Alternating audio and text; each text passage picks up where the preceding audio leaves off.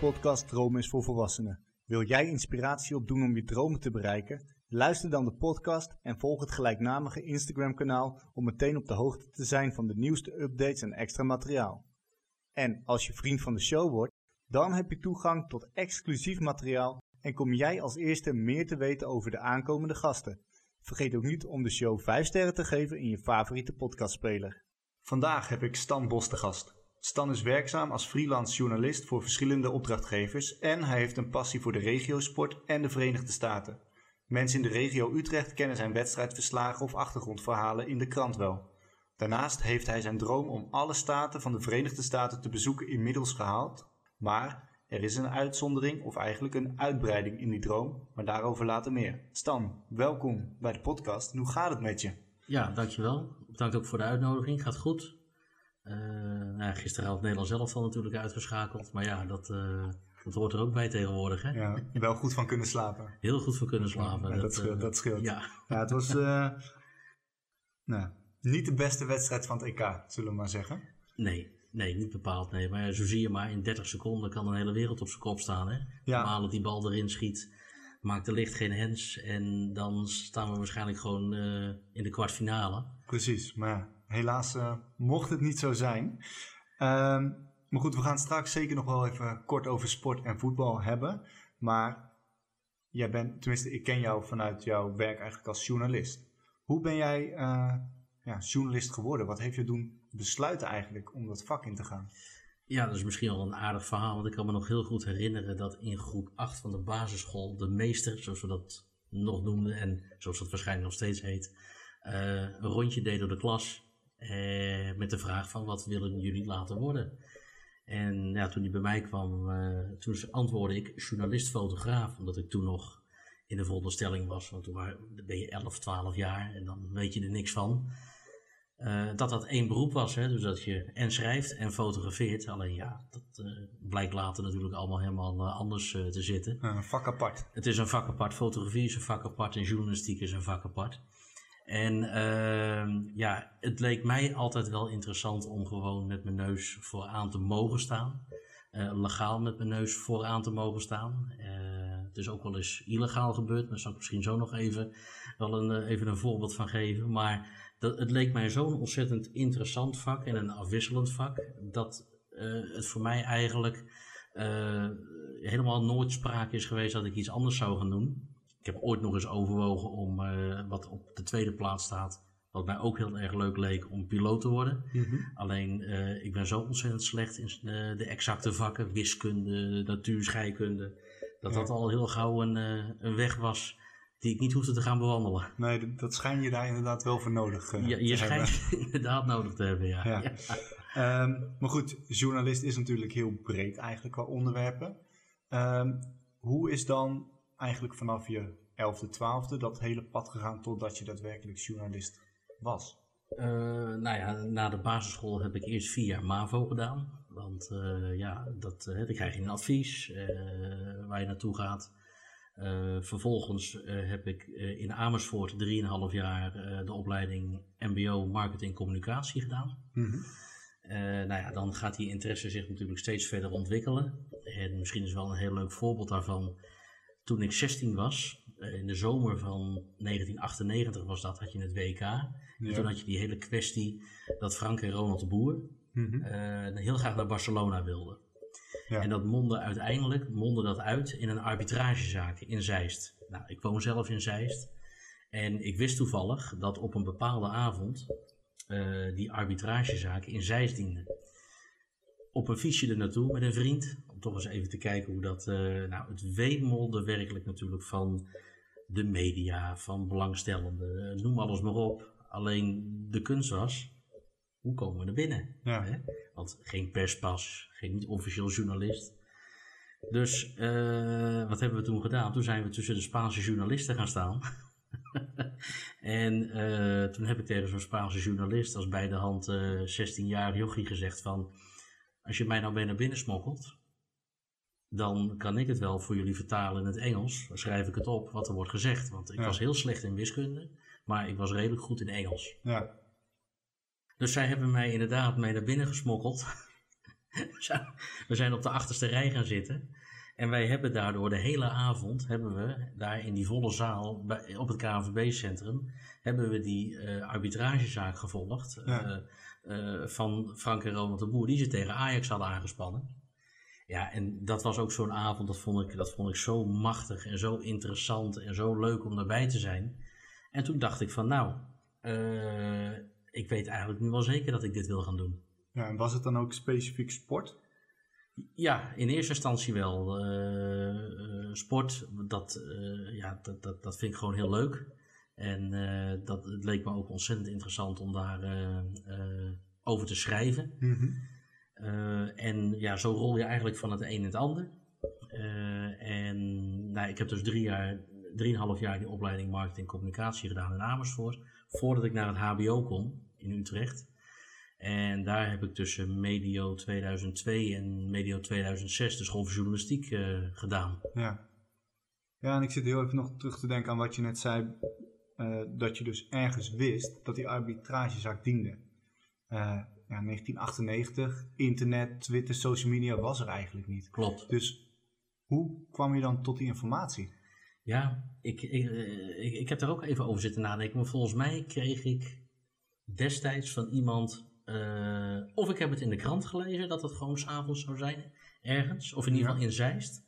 Uh, of ik heb uh, via via dat gehoord, maar dat weet ik niet meer precies. Dat okay. is misschien heel stom, maar ja, nou, het, is drie, een, paar, een, paar, jaar geleden. het is 23 jaar geleden, dus ik weet ik niet helemaal meer precies. Maar ik wist gewoon dat het die avond was. Ja, ja en eigenlijk is op dat moment als 16-jarige ben je eigenlijk gewoon ja, je passie achterna gegaan en heb je eigenlijk gewoon gekeken wat de mogelijkheden waren. Want je zei ik had geen perspas of wat dan ook. Klopt, klopt. Ja. Gewoon naar de mogelijkheden gekeken en we er naartoe gegaan.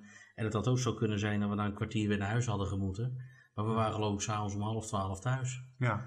Uh, en dan had ik die hele avond van dichtbij meegemaakt. Ja, precies. En dat is natuurlijk wel een fantastische ervaring. Fantastische ervaring. Hele leuke ervaring. Om daar, want zij waren toen ook echt, Frank en Ronald de Boer, dat waren gewoon de bekendste voetballers of een van de bekendste Ja. voetballers van Nederland. Ja, dat En- was toen ook een van de eerste echte arbitragezaken volgens mij in Nederland.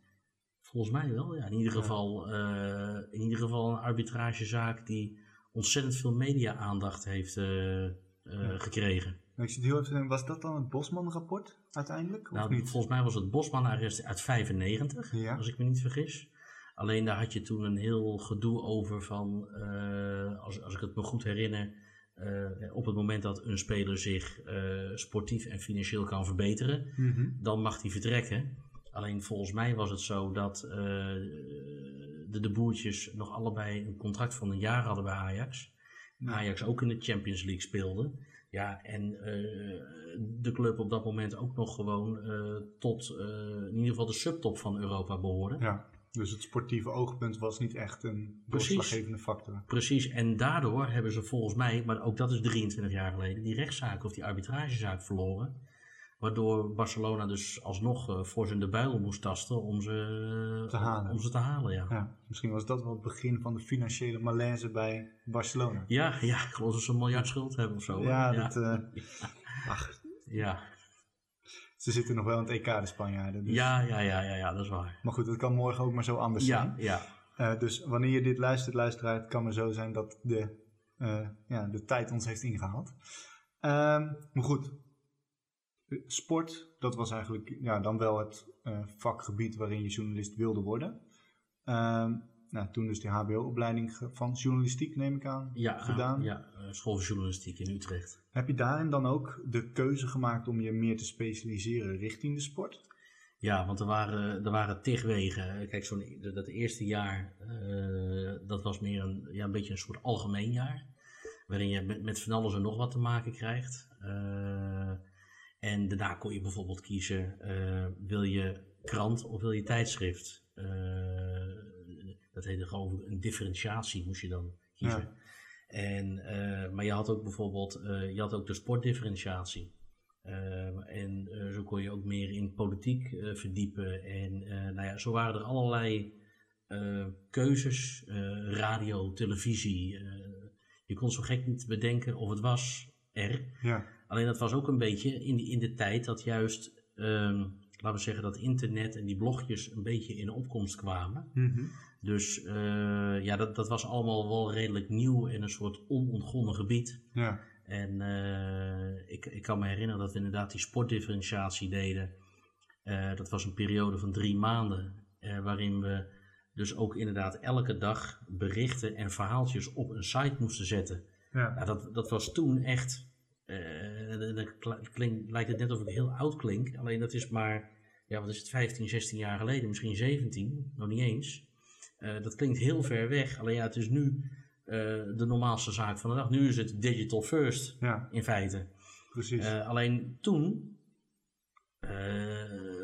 waren we echt nog aan het uitzoeken. En ook de docenten waren aan het uitzoeken hoe ze dat het beste konden onderwijzen. En eh, hoe ze dat het beste, eh, hè, hoe we dat het beste konden doen. ja, echt learning on the job. Learning on the job. En dan had je de ene week had je een, eh zou ik maar zeggen, een bureaudienstweek. Waarin je dus gewoon vanuit het klaslokaal van allerlei dingen aan het doen was. En de andere week was je weer op stap naar van alles en nog wat. Ja, Dat was onder andere ook de periode. Nou ja, dan kon je bijvoorbeeld als, als leerlingjournalist kon je dan binnenkomen bij persconferenties voorafgaand aan Champions League wedstrijden. Noem maar even wat. Eh, ik kan me herinneren dat ik toen met een eh, medestudent eh, ben, zijn we met z'n tweeën bij Bert van Marwijk geweest, die toen trainer was van Borussia Dortmund. Mhm. Zijn we heen en weer naar Dortmund geweest, hartstikke leuk. Ik kan me herinneren in- uit die periode dat Louis van Gaal, die was toen technisch directeur van Ajax, maar dat is, liep helemaal in de soep. En toen ben ik inderdaad ook met een studiegenoot naar die persconferentie, die beruchte persconferentie geweest. Dat Van Gaal afscheid nam daar zo. Mhm. Eh, nou, dat, dat, dat was ook heel apart. Eh, dus eh, je kon, ja, ik, ik ben diverse keren, je wordt naar Den Haag gestuurd. Dat was dan niet voor die sportdifferentiatie. Maar dan zat je, dan zat je in zo'n periode waarin je, dat heette deadline, dat vak. En dan moesten we elke week een krant maken. Oké, En eh, ja, dan moest, je ook, moest ik ook een paar keer naar Den Haag toe. En dan moest je een, eh, een kamerdebat bijwonen. En daar dan een verhaaltje over maken. ja. Dus wel wat breder dan alleen je differentiatie of waar je Ja, passie lag om ook zeg maar die andere gebieden van de journalistiek te leren. Precies, precies. Alleen toen kwam ik er al vrij snel achter. eh, als je dan in Den Haag zit, kijk, van een debat op televisie, in het journaal of op het RTL Nieuws, krijg je 30 seconden mee. Ja, Alleen in de werkelijkheid kan zo'n debat gewoon 3, 4, 5, 6 uur. En als het de algemene beschouwingen zijn, zelfs tot midden in de nacht duren. ja, Ja, en dan zit je daar en dan zit je maar. En toen kwam ik er al vrij snel achter dat ik eh, daar niet zo heel veel geduld voor heb om, eh, om dat allemaal zo lang, eh, Nee. om daar zo lang bij te zitten. nee, dan is een, een sportwedstrijd is, wat korter en wat beter in tijd te behappen. is te overzien, hè? Dat, Ja. ja. ja, absoluut. Eh, want uiteindelijk, je, eh, nou, je eerste mooie moment was die persconferentie van Ronald en Frank de Boer. Ja. Of in ieder geval dat, die arbitragezaak. Eh, uiteindelijk heb je dus gekozen om wat meer richting de regiosport te gaan. Ja, dat klopt. Dat kwam op mijn pad omdat mijn vader weer iemand kende die bij die regiosport werkte. Die is inmiddels met pensioen overigens.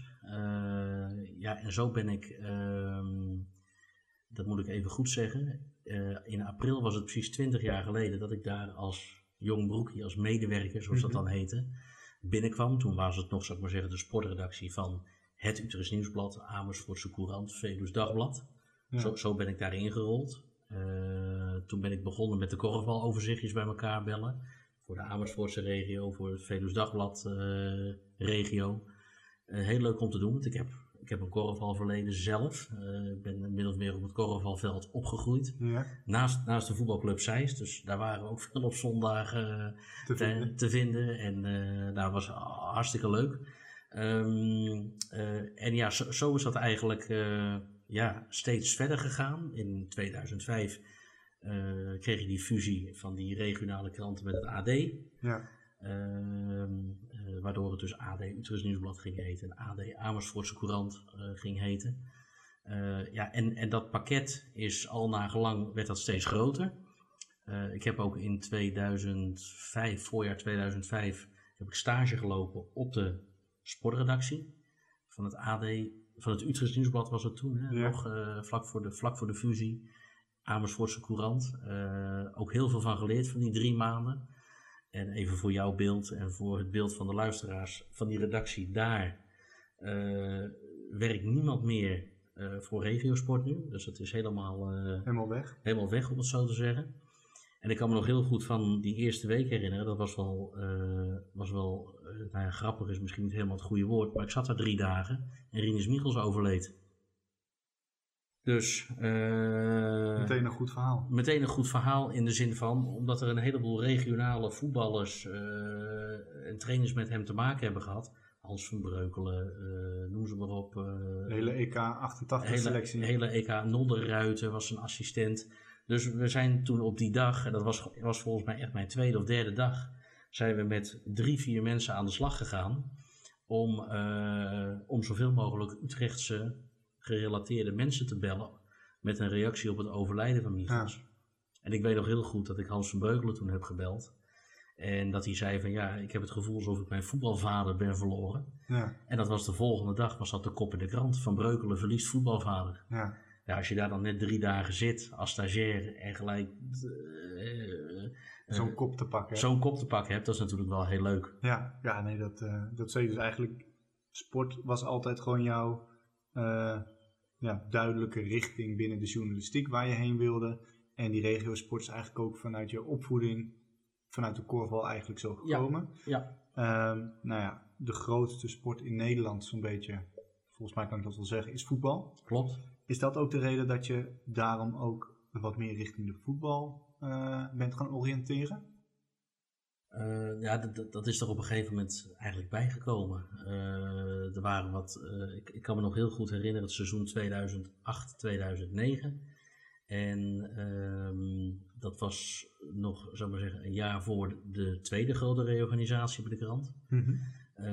toen vroeg Pim van Bakel, die een beetje het voetbal coördineerde destijds namens de krant, of een beetje, hij coördineerde het ehm, ging een rubriek in de krant komen elke maandag. Uh, de chroniek van de derde klasse D zondag. En dat was, een, uh, dat was eigenlijk een rubriek uh, over een pool. Mm -hmm. Waar volgens, volgens mij was dat destijds nog met 12 ploegen. Nu zijn het er 14, destijds waren het er 12. waarin volgens mij van de 12 ploegen zaten 10 of 11 echt uit ons verschijningsgebied. Ja. En dan moet je bijvoorbeeld denken aan Houten. Uh, aan Vriendenschaar, aan Brederodes. Uh, Schalkwijk, het gooien? Uh, volgens, mij waren die, volgens mij waren die nog een niveautje lager, als ik me niet vergis.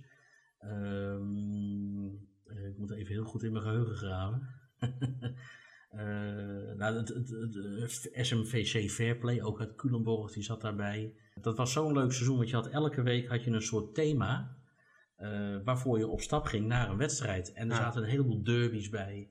Uh, FC de Beeld schiet nou ook te binnen. Nu komen de, nu komen de, de, de, de clubs weer boven. Ja, het is inmiddels weer 12, 13 jaar geleden. Dus, uh, um, ja, en dat heb ik eigenlijk een jaar lang met heel veel plezier gedaan. Dat was gewoon bijna elke week leuk. En op een gegeven moment, als je dan bij die clubs bent, dat er wildvreemden naar je toe komen. En die, die dan aan je komen vragen van wat is het thema van deze week. En uh, we knippen het elke week uit, want we vinden het leuk. En uh, ik heb er een speciaal mapje voor aangelegd. En, uh, ja, dat is wel leuk om te horen. Dat is leuk om te horen. En ik, ik, kan me ook herinneren uit dat seizoen bijvoorbeeld dat uiteindelijk Houten via de na-competitie promoveerde naar de tweede klasse. Dat is ook heel leuk met een beslissingswedstrijd bij VVZ in Soest. Mm tegen volgens mij AFC Kwik uit Amersfoort. Was, uh, ja, dat was heel leuk om te doen. En zo is eigenlijk dat voetbalpakket steeds groter geworden. Steeds groter geworden. En dan ga je op een gegeven moment van de derde klasse ga je uh, de tweede klasse, van de tweede klasse naar de eerste klasse. En uiteindelijk uh, ook hoofd, topklasse en de divisies in, om het zo te zeggen. Ja, dus eigenlijk ook dat is weer een soort natuurlijk pad waar dingen op je pad zijn gekomen omdat je en bepaalde interesse hebt, maar ook gewoon dingen goed gedaan en af en toe de kans gepakt of ja, brutaal vooraan bij een persconferentie of bij een arbitragezaak gaat staan. Bijvoorbeeld, ja. Uh, als je dan kijkt nu, of terugkijkt op je uh, loopbaan tot nu toe, wat is dan jouw hoogtepunt? Ja, dat, uh, dat is een goede vraag. Dat is een vraag die me wel vaker wordt gesteld, dat moet ik zeggen. Uh, wat, wat zelf heel erg leuk is, als je bijvoorbeeld een club volgt of club volgt, clubs volgt die in, zou ik maar zeggen, een bepaalde flow zitten. Uh, nou, laat ik er maar even twee voorbeelden uitpakken. Ik heb uh, een korfbalclub, Offo uit Maarsen. Mhm. Die speelde, dat was volgens mij ook een beetje rond die periode, die speelde in de overgangsklasse. Dat was toen het uh, derde niveau van Nederland. Mhm. Je hebt overgangsklasse, hoofdklasse en korfbal league. Toen zijn ze eerst gepromoveerd naar de hoofdklasse en daarna naar de korfbal league. Wat voor een club als Offo echt een hele knappe prestatie was. Ja. Alleen dan zie je in zo'n club iets ontstaan. eh, met sfeer, met supporters, eh, met goed spel. Volle hallen, volle korfbalhallen. Want dat is wat heel veel mensen dan wel eens onderschatten. Als er het woord korfbal valt, dan denken ze, oh, daar komen vier mensen kijken. En, eh, Nee, ik weet bij het, eh, de finale van het eh, EK of WK, altijd Nederland-België, dan zit het ook helemaal vol. Precies, precies. En, maar dat is dus op clubniveau, zeker op het wat hogere niveau, ook absoluut zo. En ja, volle hallen gehad in Wageningen en in Papendrecht en in Maarsen, noem alles maar op. En dan, dan zitten gewoon 1500 man in die hal. Ja, Dan weet je niet wat je meemaakt, ook qua sfeer en, en noem maar op. Dat vond ik heel leuk om dat journalistiek mee te maken. En als ik een voetbalvoorbeeld eruit mag halen, nou, dan zou ik bijvoorbeeld Hercules eruit kunnen pakken. Ik ben erbij geweest in Heer Hugo Waard eh, destijds toen ze van de eerste klasse via de na-competitie naar de tweede klasse degradeerden. ja, Toen lag de boel bij wijze van spreken half op zijn gat, om het zo te zeggen. En daarna is die opmars gekomen vanuit de tweede klasse naar de eerste klasse. Eh, van de eerste klasse naar de hoofdklasse. Toen zijn ze meteen dat jaar erop eh, in de hoofdklasse gepromoveerd naar de toenmalige topklasse. ja, De huidige, de huidige divisie. Dus de huidige tweede divisie. En ja, dat, die hele opmars, eh, met ook veel talent uit eigen jeugd, hè, aangevuld met goede spelers van buitenaf. Ja, eh, dat, is natuurlijk, dat was prachtig om te volgen. Ja. Journalistiek gezien.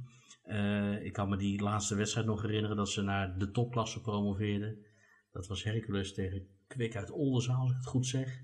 Ja, er waren gewoon 2500 mensen op Voordorp. Extra tribune erbij gebouwd. Eh, dus als je eventjes naar de sport kijkt. eh, en met het volgen van, dat, van die clubs die echt in zo'n flow zitten. Mhm. Dat is heel leuk. Maar goed, SVL is natuurlijk ook zo'n voorbeeld met het seizoen Van, van de de- eerste klasse naar de hoofdklasse. ja, En ook die periode, die eerste, zeker die eerste periode in de hoofdklasse.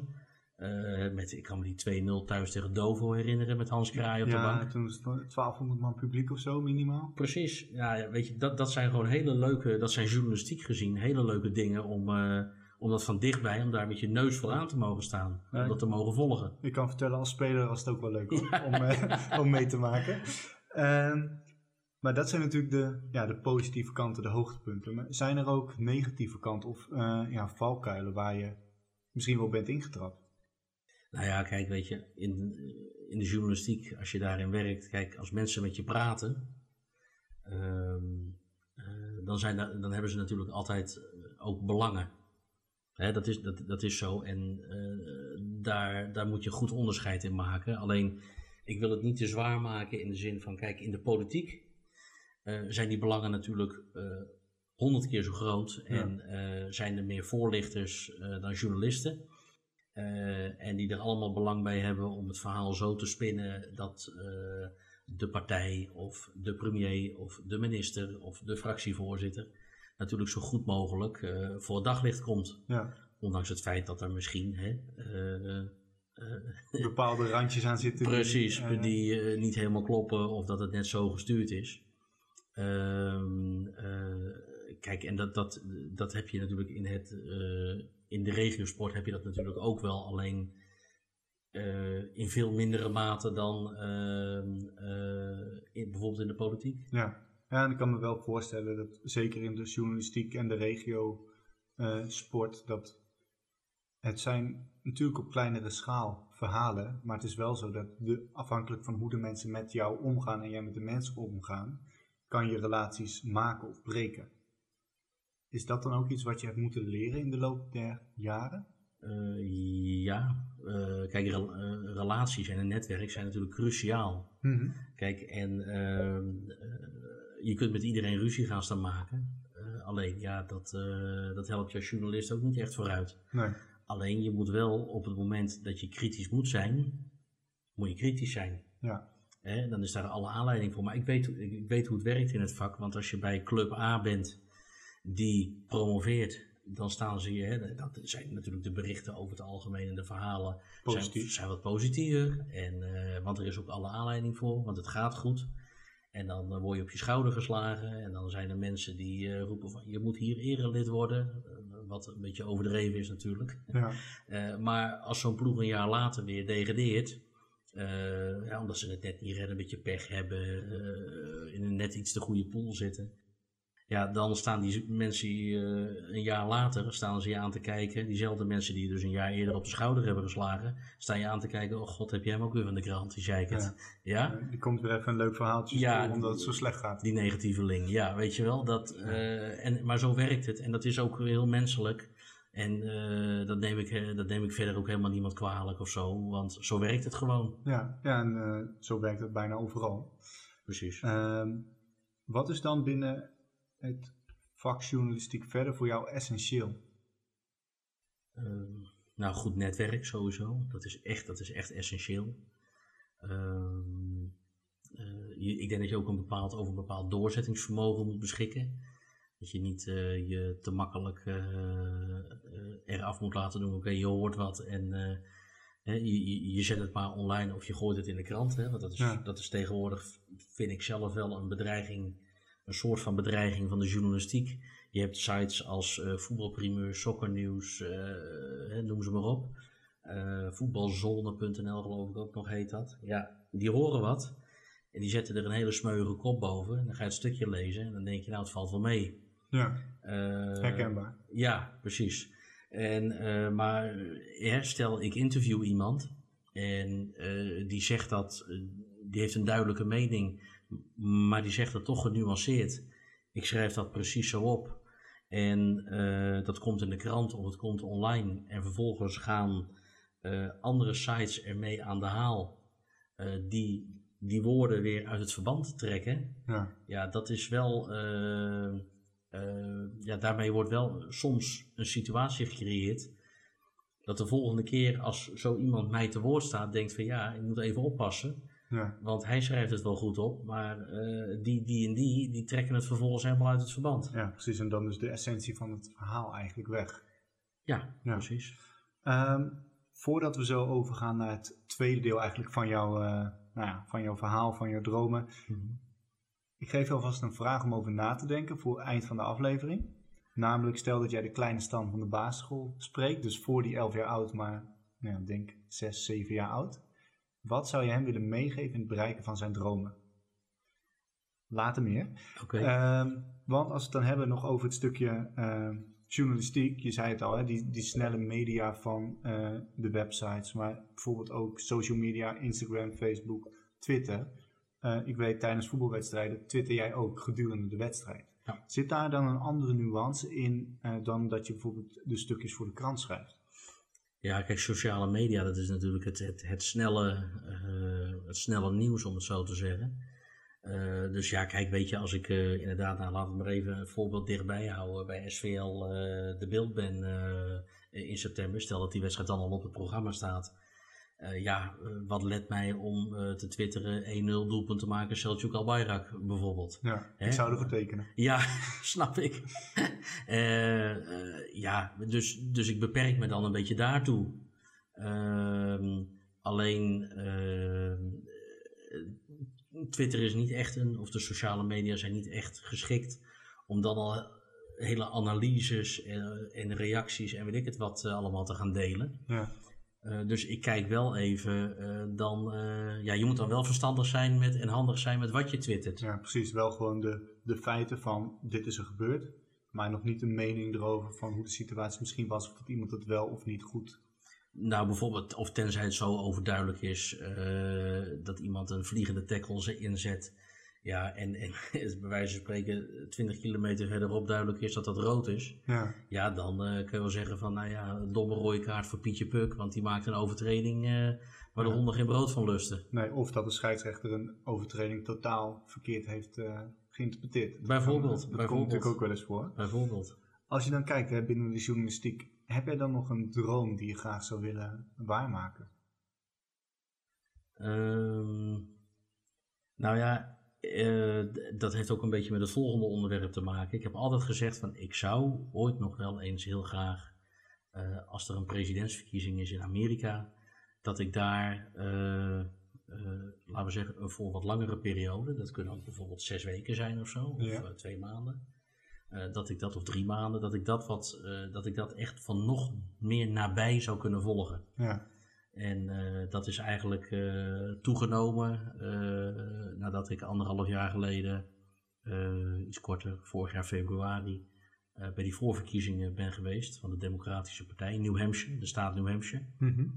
Waarin ja, alle toen nog participerende kandidaten heb gezien, onder wie Joe Biden uh, twee keer zien spreken, die dus nu president is geworden. Ja, ja dat, dat, dat, is, dat is een bepaalde dynamiek. Dat is heel lastig uit te leggen uh, aan een tafel, maar dat is, ja, dat kennen wij in Nederland niet, die vorm van directe democratie. want als die hier verkiezingen zijn, dan is, er, dan is het vier tot zes weken campagne. Er worden drie, vier, misschien vijf debatten gedaan. En dan gaan we naar de stembus. Ja. Maar in Amerika begint dat hele eh, cyclus van zo'n presidentsverkiezing al uh, anderhalf jaar van tevoren, voordat er een president wordt gekozen. Nou, dat vind ik wel heel erg interessant en leuk om, uh, om te om volgen. Om dat een keer te kunnen volgen. Om dat een keer te kunnen volgen. Lijkt me heel, heel, heel leuk. Ja, en je geeft eigenlijk al het bruggetje, het tweede uh, onderwerp van deze opname, de mhm. Verenigde Staten. Waar komt die passie vandaan voor de Verenigde Staten? Ja, nou, ik heb eerder verteld uh, dat ik uh, drieënhalf jaar een opleiding heb gedaan uh, aan het MBO in Amersfoort, marketing en mhm. communicatie. Maar die opleiding was in januari 2002 was, was die afgelopen. Dus ik moest, laten we zeggen, een maand of acht overbruggen naar de volgende opleiding, naar de school voor journalistiek. Ja. En ehm, ik had sowieso altijd al een bepaalde interesse in Amerika, bovengemiddelde interesse in Amerika. Uh, ik weet nog dat ik heel verbaasd was bij die presidentsverkiezingen in 2000. Dat ging toen tussen George Bush en Al Gore. Dat, is, dat heeft zich toen wekenlang met allerlei rechtszaken voortgesleept uh, over de uitslag in Florida. Ja. Uh, waar uiteindelijk de Supreme Court, het Hoge Rechtshof, besloot dat het hertellen van de stemmen moest stoppen, waardoor George Bush de nieuwe president werd. Uh, dat heb ik eigenlijk al met verbazing gadegeslagen. En dan verbazing vooral ook in de goede zin van het woord van ja, al die dynamiek, dynamiek die daarin... Gewoon, hoe uh, kan dit? Ik, snap, ik wil weten hoe dit precies... Precies, ik wil weten hoe het zit. En dus ik wilde al heel graag een keer naar Amerika. Uh, ik wist natuurlijk dat die opleiding 3,5 jaar duurde. Ja, en toen kwam, laten we zeggen, drie, vier maanden voor het einde van die opleiding... kregen we de aanslagen van 11 september. Ja. Ja, toen stond het land natuurlijk helemaal in belangstelling. Want uh, ik kan me nog heel goed herinneren, die middag, die dinsdagmiddag, ik was thuis. Ik, ik werkte toen als medewerker nog geen halfjaartje voor de krant. toen iemand van de krant mij belde om even iets te bespreken voor het weekend. En die tegen mij zei, heb je CNN aanstaan? Ik zei, nee, die heb ik niet aanstaan. Dus ik gelijk die televisie aangezet. Ja. En, uh, toen nog met een grote kast aan de achterkant. Precies, precies. Zo'n televisie was het inderdaad toen nog. Daar kunnen we ons nu helemaal niks meer bij voorstellen. Uh, en toen zag ik op een gegeven moment letterlijk het tweede vliegtuig naar binnen vliegen. In het World Trade Center in New York. Nou ja, dan weet, je, dan weet je niet wat je ziet.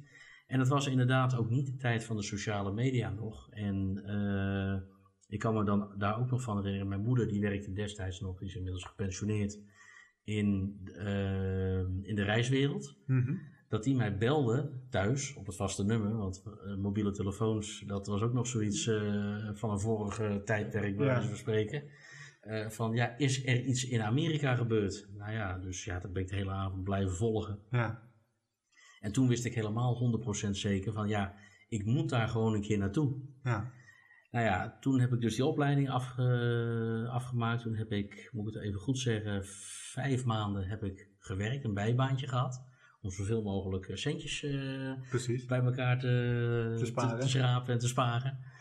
En toen ben ik in uh, de maand juni en juli, ik zeg het even bij elkaar, geloof ik acht en een halve week bij elkaar naar Amerika geweest. Mm -hmm. En voor het eerst in mijn eentje. En ben ik 8,5 week eh, eigenlijk vanaf de oost naar de westkust eh, gereisd. eh. Ja. Want je had al wel het plan om dan die route te doen, van oost naar west. Ja, die, dat plan dat had ik al inderdaad. En ja, in, in grote lijnen. begonnen in New York. Daar wilde ik zeker vanwege die aanslagen ja, heel Mhm. graag tussen aanhalingstekens beginnen. Week New York, vervolgens met de trein naar Washington DC. Ben ik ook een week geweest. Met het vliegtuig naar Atlanta. Was ook nog gewoon anderhalf uur vliegen. Ja. Ook een weekje geweest. Toen ben ik een paar dagen in Dallas geweest. In Texas. Eh, ook vanwege de Kennedy-link natuurlijk. Maar ik dacht Eh, vanwege de soapserie. ja, dat ook. Ja, ja die, die kende ik overigens toen nog niet zo goed, eh, moet je zeggen. Eh, wat overigens ook eh, wel heel, heel bijzonder was. Maar dat is misschien nog iets om zo nog even over te hebben. Eh, van de- vanuit Dallas weer gevlogen naar eh, Las Vegas. Mhm. Voor het eerst geweest. Eh, Las Vegas, San Francisco gevlogen. Toen met de trein vanuit San Francisco, of even daarbuiten in Emeryville, naar LA. Dat was een dag van, dat was een treinrit van bijna 12 uur. Dus dat was een lange dag. Ja. Maar wel heel mooi, want ja, je rijdt helemaal, eh, komt helemaal langs die westkust. Dat was, dat was natuurlijk prachtig. ja. En toen weer via Chicago eh, naar, Nederland, eh, naar Nederland gevlogen. Dus zo, zo zag het even in, Ja. in, in grote lijnen eruit. Ja, en je zei al, jouw moeder die werkte in de reisbranche. Heeft die je dan ook geholpen bij Ja. het uitstippelen? Eh, nou, niet zozeer bij het uitstippelen, maar wel met, met de vluchten. Eh, want dan kun je zo'n zo, zo'n vliegpas, als je meerdere keren met dezelfde maatschappij, dan kun je heel makkelijk eh, Korting krijgen en een zo. korting. En volgens mij heette dat inderdaad iets van een vliegpas. Ja. En eh, eh, de Amtrak reizen met de trein, eh, die zijn geregeld. Dus dat, dat was natuurlijk wel heel handig. Ja. Ehm, eh, alleen ik, ik, heb, ik ben gewoon zelf met een kaart gaan zitten om te kijken, oké, naar welke plaatsen wil ik allemaal toe? Ja. En, wat wil ik allemaal bezoeken? ja, en dat was dan nou ja, ook weer even voor mijn beeld, maar ook voor de luisteraars. Internet had je eigenlijk nog niet dusdanig veel. Klopt. Dus hoe wist je dan op basis van die kaart waar je graag naartoe zou willen? Nou ja, goed, kijk, eh, als je naar New York wil, Die, die was duidelijk. die was duidelijk. Washington DC, eh, hè, vanwege de politiek, en daar is ook eigenlijk uiteindelijk mijn politieke eh, interesse ontstaan. Mhm. Nou, Atlanta wilde ik graag doen, omdat zes jaar eerder, want ik ben daar in de zomer van 2002 ben ik geweest. En in 1996 waren de Olympische Zomerspelen in Atlanta. Ja. Maar goed, je hebt in Atlanta heb je ook eh, de World of Coca-Cola en het hoofdkantoor van CNN zitten. Eh, je, hebt de ple- je hebt daar een soort plek. eh, Martin Luther King is daar geboren. waar ook nu zijn, zijn graf is. Daar heb je een speciale ja, soort museumachtig iets Ja. heb je daar. Ja, en naar Dallas wilde ik eigenlijk per se vanwege die, vanwege die Kennedy-link. John F. Kennedy is daar vermoord, zoals ongetwijfeld de meeste luisteraars wel zullen weten. Uit de geschiedenisboeken. uit de geschiedenisboeken. En die, de, ja, die familie en zijn presidentschap, die hadden altijd al mijn interesse. Dus ja, ik denk, ik moet per se, wat er ook gebeurt, ik moet naar Dallas. Dat, Ja. dat was echt een van die dingen die... eh, Die, stond op nummer, die stond op nummer 1. die stond bij wijze van spreken op nummer 1. Ja, dus in ieder geval heel hoog op het verlanglijstje. En wat ik, me, wat ik me daar nog van kan herinneren is dat ik een hotel had ik daar vlakbij Dealey Plaza, hè, dus de plek waar het gebeurd is. En wat er eigenlijk nog vrijwel hetzelfde uitziet eh, als op 22 november 1963. Ja. Eh, want dat is een soort National Historic Landmark. En dat betekent dat eh, dat je UNESCO werelderfgoedachtig. Precies, dat, dat betekent dat je er eigenlijk niks aan mag aanpassen, hè, behalve natuurlijk dat je de... de Onderhoud. Behalve, precies, het, het, het standaard onderhoud. En dat gebouw waarvan dan uitgeschoten zou zijn, eh, het eh, School Book Depository, eh, dat staat er ook nog steeds. En je hebt namelijk, je hebt, en je hebt op die verdieping, hè, die, die, die, de vijfde verdieping, hè, dus de, de sixth floor is dat in Amerika. Mhm. Want daar kennen ze geen begane grond, het is gewoon de first floor. Ehm, eh, heb je een heel museum, wat daar helemaal is ingericht, eh, naar aanleiding van die dag en die gebeurtenissen daar. Ja. En ik zal nooit vergeten, want dan sta je daar, dan ben je 20 jaar. En dan heb je daar interesse in, of ik heb daar in ieder geval interesse in. En dan sta je daar, en ik zal nooit vergeten, we stonden in die hoek van dat museum waarvan geschoten dan zou zijn. En daar stond een man die ik, laten we zeggen, vroeg in de 60 schatte. Best wel een grote, stevige Amerikaan. Helemaal hè, een soort typische Amerikaan, zou ik bijna Ja. willen zeggen. En die moest getroost worden door zijn vrouw. Die stond echt bijna als een, als een, als een klein kind stond hij te huilen van the most memorable day of my life. Ja, Ja, dat, dat heeft heel veel indruk gemaakt op mij. ja ik kan me voorstellen. Dat was, dat was heel apart. En ik heb meer mensen gezien daar die daar geëmotioneerd waren. Ik heb ook op andere Kennedy-plekken in Amerika gezien dat mensen, met name natuurlijk die nu een stuk ouder zijn inmiddels, want er zijn onderhand, hè, als je toen eh, Als in de toen- 20 of in de 30, ja, dan ben je nu in de 80 of in de 90. Ja, precies. Eh, dat, dat, dan zal het je verbazen wat voor een open wond dat nog is. eh, voor iets wat, eh, nou ja, eh, 58 jaar geleden is gebeurd. Ja, precies. Dat is eigenlijk wel bizar. Ja, en daardoor is ook eigenlijk die fascinatie voor, voor, voor, die, voor, voor de Kennedys en die moord ontstaan en zo. En ben ik ook met latere reizen op zoveel mogelijk plekken geweest die ja, geassocieerd worden met die familie of, of met John F. Kennedy of met Robert Kennedy. Ja. Eh, ja, dat, dat, vind ik gewoon heel interessant. ja, eigenlijk jouw, als ik het goed begrijp, jouw eh, eerste echte Amerika-reis van 8,5 weken, wat je zei. Ja. Daar waren een aantal dingen belangrijk, maar bovenaan stond eigenlijk de Kennedy-familie. En toen je eenmaal terugkwam, toen ben je daar verder in gegaan. Toen ben ik daar verder in gegaan. Toen ben ik daarover, eh, dan ben je terug en dan ben je gefascineerd. En dan ga je erover lezen en dan koop je eens een boek. En dan koop je nog eens een boek en dan kijk je eens een documentaire. En dan kijk je nog eens een keer een documentaire. Ja, En eh, ik heb geloof ik nu eh, in mijn kast thuis over de 50 boeken staan over de Kennedys en de Kennedy-familie. eh, hoofdzakelijk over John F. Kennedy en Bobby Kennedy. zijn broer die vijf jaar na eh, de dood van John F. Kennedy zelf vermoord is in Los Angeles. ja, Ben ik ook trouwens geweest op die plek, eh, wat ook heel bijzonder was.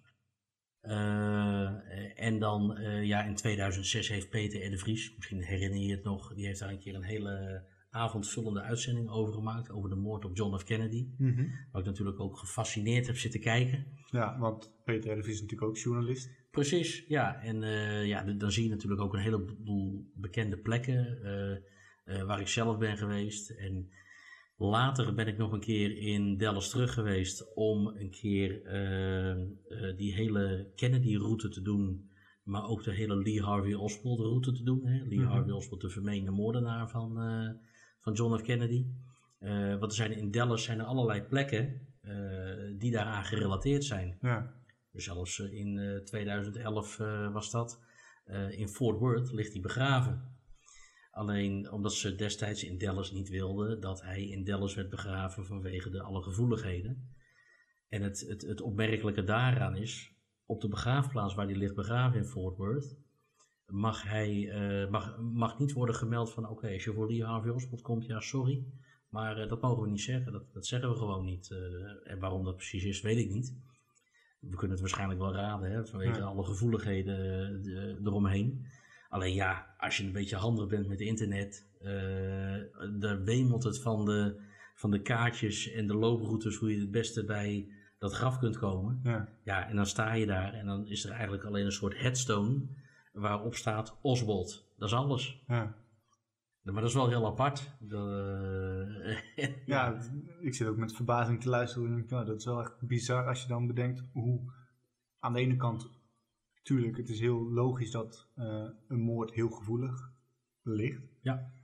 Maar aan de andere kant dat het is zo'n belangrijk punt eigenlijk in die Amerikaanse geschiedenis geweest, dat men er eigenlijk heel geheimzinnig over doet wat er daarna is gebeurd. ja, ja, ja. Dat is wel Ja. echt... eh, Ik kan me ook, ik kan me ook amper voorstellen nog steeds. Alleen ja, daar, heb, daar kun je hele discussies over eh, aangaan hoor. Met, eh, met allemaal mensen die ook eh, de, de verstand van hebben. Maar ik kan me niet voorstellen dat het een eenmansdaad is geweest van, van Oswald. Dat is, dat, is, dat is bijna niet voor te stellen. nee, nou ja, andere tijden. Andere tijden, 60 ja, jaar ja, geleden. Dus ja, precies. wie weet hoe het toen eh, eraan toe ging. Ja. Ehm, heb je nog andere toffe anekdotes of verhalen over die ja, reis in Amerika? Nou, in 2011, eh, dus inmiddels al bijna tien jaar geleden, in juli, ehm, eh, heb ik met iemand een eh, interview gehad met Dwight Schultz. Dat zal misschien, misschien niet iedereen meteen wat zeggen, maar als de naam zeg... doet geen belletje rinkelen. Nee, nee, precies. Maar dat is dus Howling Matt Murdoch uit The A-Team. En ja, die hebben we toen op onze hotelkamer in LA hebben we die geïnterviewd. Ja. En ja, dat was natuurlijk heel bijzonder om een keer ja, zo iemand uit je jeugd min of meer te spreken. Want ja, ik ben, ik ben een kind van de jaren tachtig. eh, opgegroeid met die E-team. En dan zit je in één keer tegenover eh, ja, Een van de vier hoofdrolspelers. een van de vier hoofdrolspelers. eh, waarvan er nog steeds drie leven. Hè, want, George Papard, die Hannibal speelde, Ja. die is in 94 al overleden. Ik ben overigens ook als zijsprong, die is begraven in Dearborn in Michigan, Mhm. eh, vlakbij Detroit, voorstad van Detroit. En ik ben een keer bij zijn graf geweest. Dat vond ik wel heel, eh, vond ik wel heel eh, apart om daar een keer... eh, Dus je hebt nu de helft van de E-team, die heb je gehad. de helft van de E-team hebben we gehad. Ja, nu nog face en NBA en dan, dan ben ik compleet. En hoe was het dan om hem in het echt te spreken vergeleken met die acteur die zo, ja, in ieder geval hij speelt die rol dat hij zo gek als een deur is. Ja, precies. Nou ja, het is een hele aardige man. En heel vriendelijk, heel toegankelijk. En heel normaal natuurlijk Mhm. ook. Hè. En, dus ja, dan zit je daar in één keer tegenover. Tegenover zo iemand die, eh, ja, die eigenlijk ook heel openhartig was. Want er is een hoop gedoe geweest eh, destijds in die E-team. Met name in het Mhm. laatste seizoen. Waarin eh, er een periode is geweest waarin met name eh, George Papard, Hannibal en Mr. T, B.A. Baracus elkaar niet konden luchten of zien. Ja. Eh, dat, dat, heeft, dat heeft vier maanden geduurd dat ze geen woord tegen elkaar eh, hebben gezegd. Dus uiteindelijk weer eh, hebben ze dat opgelost. Alleen ja, dat, eh, daar heeft hij heel openhartig over gesproken. Oké. Dus, eh, en dat verhaal heeft toen in een nieuwe revue gestaan, eh, wat we met hem hebben gemaakt. Ik Ja. kan me ook de kop nog herinneren. Het laatste seizoen was een ramp. Nou ja, dan weet je ongeveer wel... Dat iedereen toch wel weet waar het dan over gaat. ja, precies. Dus dat was heel bijzonder. En om dan in één keer zo tegenover hem te zitten, bijna twee uur, nam hij de tijd. Maar dat is wel mooi. Dat is wel mooi. En ja, dat, dat, was wel, eh, dat was wel een journalistiek hoogtepunt, moet ik zeggen hoor. Dat Ja. vond ik wel heel leuk om te doen. Nog even terug naar jouw Amerika-reis. Want je had een duidelijk eh, nou ja, beginpunt dat je eh die 8,5 week wou. Daarna ben je teruggegaan vanwege die hele Kennedy en Harvey Oswald eh, route. Ja. Maar uiteindelijk kwam jij tot het besef of het inzicht of het idee om alle staten te bezoeken. Ja. Hoe is dat zo gegaan? Was het zo van, oh ik ben nu toch al halverwege, laat ik de rest ook maar doen? Nou, eh, ongeveer. Want eh, eigenlijk eh, na die eerste reis, maar ook naar de volgende reizen, heb ik eigenlijk nooit zoiets gehad van ik wil naar alle staten. Tot je een keer op een punt komt. Dat je een keer, volgens mij was dat zelfs pas in 2009, dus dat was zeven jaar na mijn eerste reis. dat je in één keer die status bij elkaar gaat optellen. En dat je in één keer tot de conclusie komt dat je in één keer in 30 staten bent geweest. Ja. Nou, toen is wel zo'n omslagpunt gekomen, ook omdat ik het gewoon heel leuk vind en interessant vind. Dat ik dacht van nou, er moet ooit een keer een punt, een moment zijn dat ik gewoon overal een keer geweest ben. In elke staat een keer geweest ben. Alleen dat heeft, ik had toen wel bij mezelf afgesproken van nou, dat moet niet zo zijn dat je eventjes overal als een gek doorheen scheurt. Hè? Want je leest ook wel eens blogjes van mensen die zijn vijf keer in Amerika geweest en die hebben 35 staten gehad. ja. Ja, En in eh, totaal vijf weken in Amerika geweest. Bijvoorbeeld, of elke keer drie weken, maar als jij weet dat in staten als Texas, eh, Californië, eh, Florida, eh, ook staten in het Noordoosten, staten als Maine, waar je gewoon bij wijze van spreken, of bij wijze van spreken, waar je gewoon twee, drie weken rond kunt reizen Ja. in één staat zonder dat je bij wijze van spreken een dag hetzelfde doet. Ja, Ja, want een voorbeeldvorming, hè, de staat Texas in verhouding tot Europa. Ja. Ik, weet, ik weet bijvoorbeeld, Cali- Texas weet ik niet precies uit maar als je bijvoorbeeld Californië, Ja. dat is, dat is eh, qua oppervlakte is dat Duitsland. Ja. Ja, 40 miljoen inwoners. Bijna 40 miljoen inwoners. Ja, ga maar eens op vakantie naar Duitsland. Dan kun je drie weken rondreizen. Ja. Zonder dat je een dag hetzelfde doet. Nou, toevallig eh, deze zomer ga ik naar Duitsland. Oké, ja, Dus- nou ja. We gaan het in de. Nee, maar het klopt wel wat je zegt. We zijn bezig om die hele roadtrip te plannen. Mhm. En we hebben ook eigenlijk hetzelfde wat jij in Amerika hebt gedaan, gekeken van wel, welke plekken willen we bezoeken. En prikkertjes op een kaart gezet van waar willen we dan heen. Ja, dan kom je erachter dat je in twee weken tijd kan je niet heel Duitsland doen als je dingen wil zien. Precies. Je Nou, kan prima is- zes uur per dag, zeven uur per dag in de auto zitten en dan zie je de snelweg. Ja. Prima, maar ja, we hebben gewoon gezegd we willen maximaal vier uur per dag in de auto zitten. Ja. Nou, dan beperk je ergens. Ja. Maar ja, dan kan je wel meer zien. Ja, klopt, klopt. Maar dat is ook vaak als, als mensen me vragen van, joh, waar, waar moeten we naartoe? En Eh, ik, ik, ik zie soms uh, in reisgidsen of op sites van, uh, van, die, van reisbureaus of van die toeristenorganisaties die die reizen verkopen. Dan zie ik wel eens een, een, schema voorbij komen. Dat ik bij mezelf denk, nou ik word er al moe van als ik er naar kijk. Ja. Want het is de ene dag dit en de andere dag dat en de andere dag dat. Kijk, het kan. In theorie kan het, want alles kan. Alleen ik heb op een gegeven moment wel geleerd van, uh, dat, ik, dat ik tegen mezelf heb gezegd van oké, nu doe ik het wat rustiger aan. Dan maar iets minder zien. Maar meer zien. Maar meer zien, precies. Dan uh, kunnen koketteren met oké, ik ben vijf of zes keer in Amerika geweest en ik heb 35 staten gezien, tussen ja, aanhalingstekens. Het gaat niet om de hoeveelheid vinkjes, maar hoe dik het vinkje eigenlijk is. Precies, dat is het. Dat is het. Ja, en nou ja, uiteindelijk, je hebt die 50 staten, is het 52? 50 staten. 50, ja. ja. Ik zit altijd ergens met... Uh... Ja, het is 50 staten plus het District of Columbia. Dat is dan een district waar Washington op is gebouwd, de hoofdstad. Ja. Um, maar goed, die, die 50 staten, of 51 staten, met, om het district ook maar even een staat te noemen, mm uh, die heb je dan behaald op een gegeven moment. Ja. Uh, dan heb je eigenlijk je doel, je droom bereikt. Ja. Maar er is een ander doel gekomen. Ja, want uh, ja, in 2016, even voor de, voor de goede orde, had ik er nog drie nodig. Ja. Dat waren Alaska, Washington State en Oregon, allemaal in het noordwesten van Amerika. Dus uh, ja, dat was natuurlijk heel handig omdat... Uh, Gewoon een beetje. Ja, bij wijze van spreken, ja. Overigens ook Alaska, schitterend. maar ook Oregon, de kust.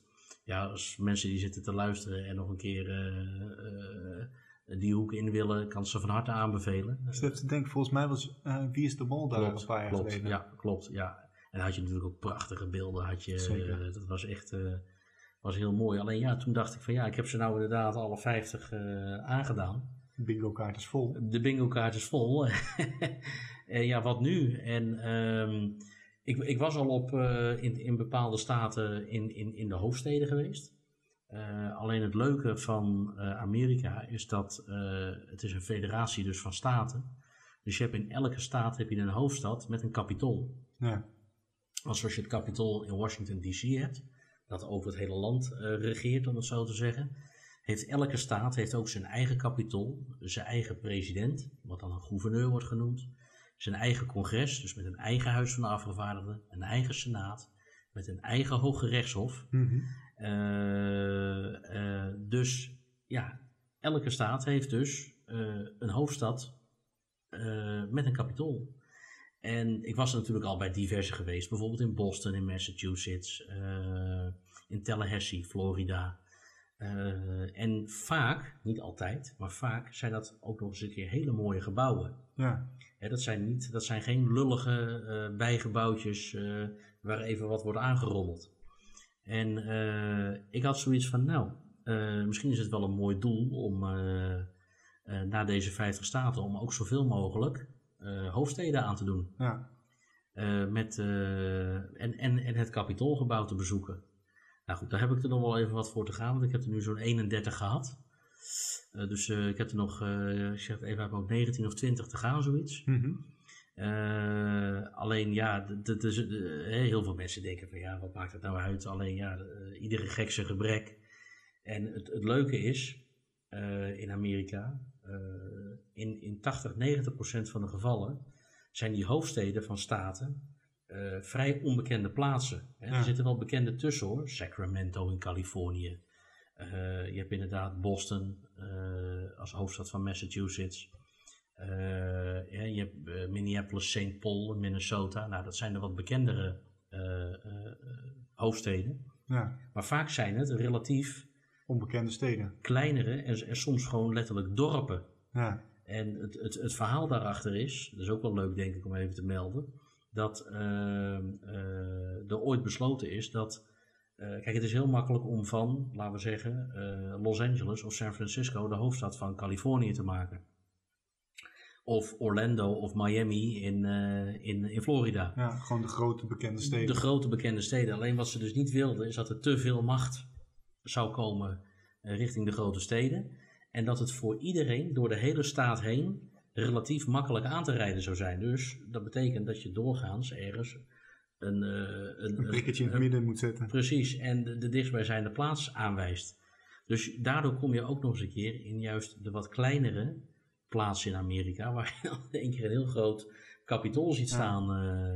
en ja, dat is heel leuk om er even naar binnen te lopen en even een beetje rondkijken. Het zijn vaak prachtige gebouwen met, een mooi, met mooie zalen, Huis van de Afgevaardigden, Senaat, ja. de gouverneur die er werkt. dat is heel leuk. En ja ja, zo doe ik gewoon stapsgewijs zonder dat ik daar echt haast mee heb. Probeer ik steeds uh, uh, daar naartoe te gaan. Alleen ja, de consequentie is soms wel eens ja, dat je er drie uur voor moet omrijden. Ja. En dat mensen je aan zitten te kijken van die is niet helemaal goed. Nou, dat snap ik ook, want ja, wat is er leuk aan als je er niks mee hebt? Maar ik vind het leuk. En, en je hebt er wat mee. En ik heb er wat mee, dus ja. ik wil er zoveel mogelijk bezoeken. Ja, en dan is dat natuurlijk hartstikke mooi. En ook wel mooi om te zien hoe eigenlijk in dit hele gesprek de dingen die je zegt, komen eigenlijk qua zowel je journalistieke als het reizen, kan je bovenop elkaar leggen. Ja. Want, uh, nou ja, in de journalistiek, en met name de sport, de korfbal, persoonlijk interesse en je opvoeding. Ja. Nou, dan had je moeder die in de reiswereld werkt, plus je interesse voor Amerika. Ja. Nou, die twee die zitten samen. En het mooiste zou nog zijn natuurlijk als je dan, wat jouw toekomstige journalistieke droom is, om langere tijd in Amerika te zijn voor die presidentsverkiezingen. Ja. Um, verder kansen pakken, maar soms ook gewoon proberen bij bijvoorbeeld de arbitragezaak van uh, Frank en Ronald de Boer. Precies. Uh, goed omgaan met alle mensen, zodat je ook weet van oké, als ik ergens kom en ik schrijf een stukje, ja, dan is het wel fijn als ik nog een keer daar kan komen. En andersom is die wisselwerking er natuurlijk ook altijd. Ja, en je moet ook gewoon die meters maken en keuzes maken in wat je wel en wat je niet doet. En je zegt net, elke gek uh, zijn gebrek. En drie uur omrijden, dat is te gek voor woorden. Ja, offers brengen om je droom te bereiken is niemand vreemd. Alleen op het moment dat iets niet jouw droom is, dan denk je, wat is dat nou voor een idiote beslissing om dat te doen? Ja. Terwijl op het moment dat, uh, ja, je hebt mij geïnterviewd voor toen mijn boek uitkwam begin uh, dit jaar, begin 2021. Mhm ik krijg dan wel eens een reactie van hoeveel tijd kost zoiets dan? En dan geef ik aan van ja, dan moet je wel denken aan minimaal 200, 300 uur. Ja. Oh, dat ga je toch niet doen? Ja, maar ik wel, want ik vind het leuk om dat te doen. Ja. En ik vind het ergens ook belangrijk om mensen te kunnen inspireren met, nou, nu dan onder andere de podcast, van het is helemaal niet moeilijk. En, of tenminste, het is niet moeilijk. Het moeilijkste is om met de kop van het stuk uh, soort van af te sluiten, kom van die bank af. Ja. Je moet het doen. Ja. En nou ja, het is ook wel handig om de juiste mensen om je heen te hebben. Dat jouw moeder jou heeft geholpen met al die vliegtickets.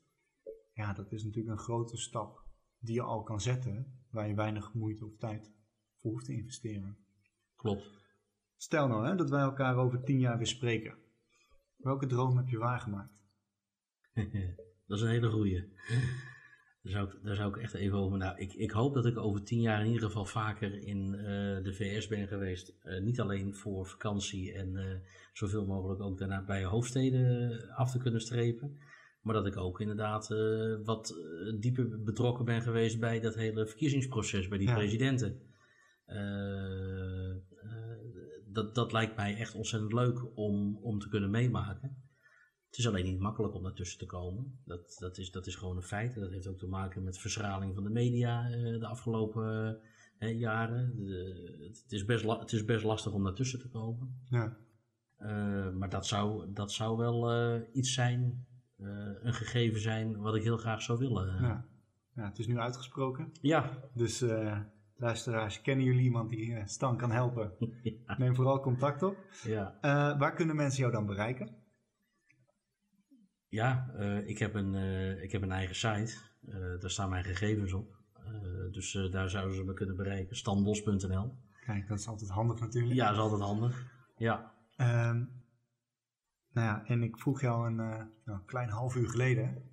Is alweer zo lang geleden, ja? Ja, ja we, we, we tikken het uur alweer aan. Kijk, kunnen um, Stel dat jij de kleine Stan op de basisschool zou spreken, het bereiken van zijn dromen. Welk advies zou je hem willen meegeven? zorg dat je niet te naïef bent. In sommige opzichten. dat is een, uh, denk een hele mooie ook uh, voor de luisteraars om over na te denken. Dankjewel voor je tijd. Graag gedaan. En voor je verhaal. Bedankt voor de uitnodiging. Ja, geen dank en uh, tot de volgende keer langs de lijn. Zeker weten. Dankjewel.